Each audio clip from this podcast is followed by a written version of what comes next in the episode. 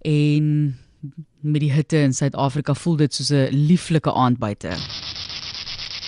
Maar verlies, dis hoe dit klink as die kraaie gaap. As ek 'n sonbesie hoor, kry ek net nog warmer. Ons het egter nie juis iets om oor te kla as jy sien wat vir die Amerikaners wag nie. Ons sweet elke somer op die maat van ons sonbesies se sang. Amerika het sonbesies wat jare wag om 'n slaggesig te wys. Maar dan is dit meer as net 'n massakoor wat uit hulle gate kruip. Die swerms is triljoene sterk. So byvoorbeeld, kom een groep in 'n streek elke 11 jaar te voorskyn en 'n ander groep in hulle gebied elke 13 jaar.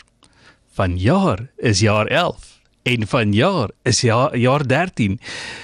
En die Amerikaners is in vir 'n ding. Die spesifieke sonbesie se klank is so 75 desibel, so hard soos die van 'n stofsuier of haardroër. Nie net is daar triljoene stofsuiertjies en triljoene haardroërtjies los in die groot FSA nie. Daar is gebiede waar die sonbesie se verspreidingspatrone oorvleuel. En die twee verskillende soorte kan paar.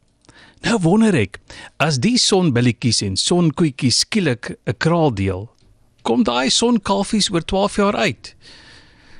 Die volgende keer wat die twee groepe weer saam gaan uitkom, is die jaar 2245. So mense is skugter vir die klank. Daar's egter ook die kwessie van die klankie. Daardie triljoene sonbesies lewe ook net so lank en dan kom die stank. Die sonbesies bemess die wêreld wanneer hulle ontbind. Maar sjoe, dit stink. Jy kan dus nie die Amerikaners kwaadlik neem wat reisplanne maak vir laat April nie. Ek sou bekoes vir dit wat kom.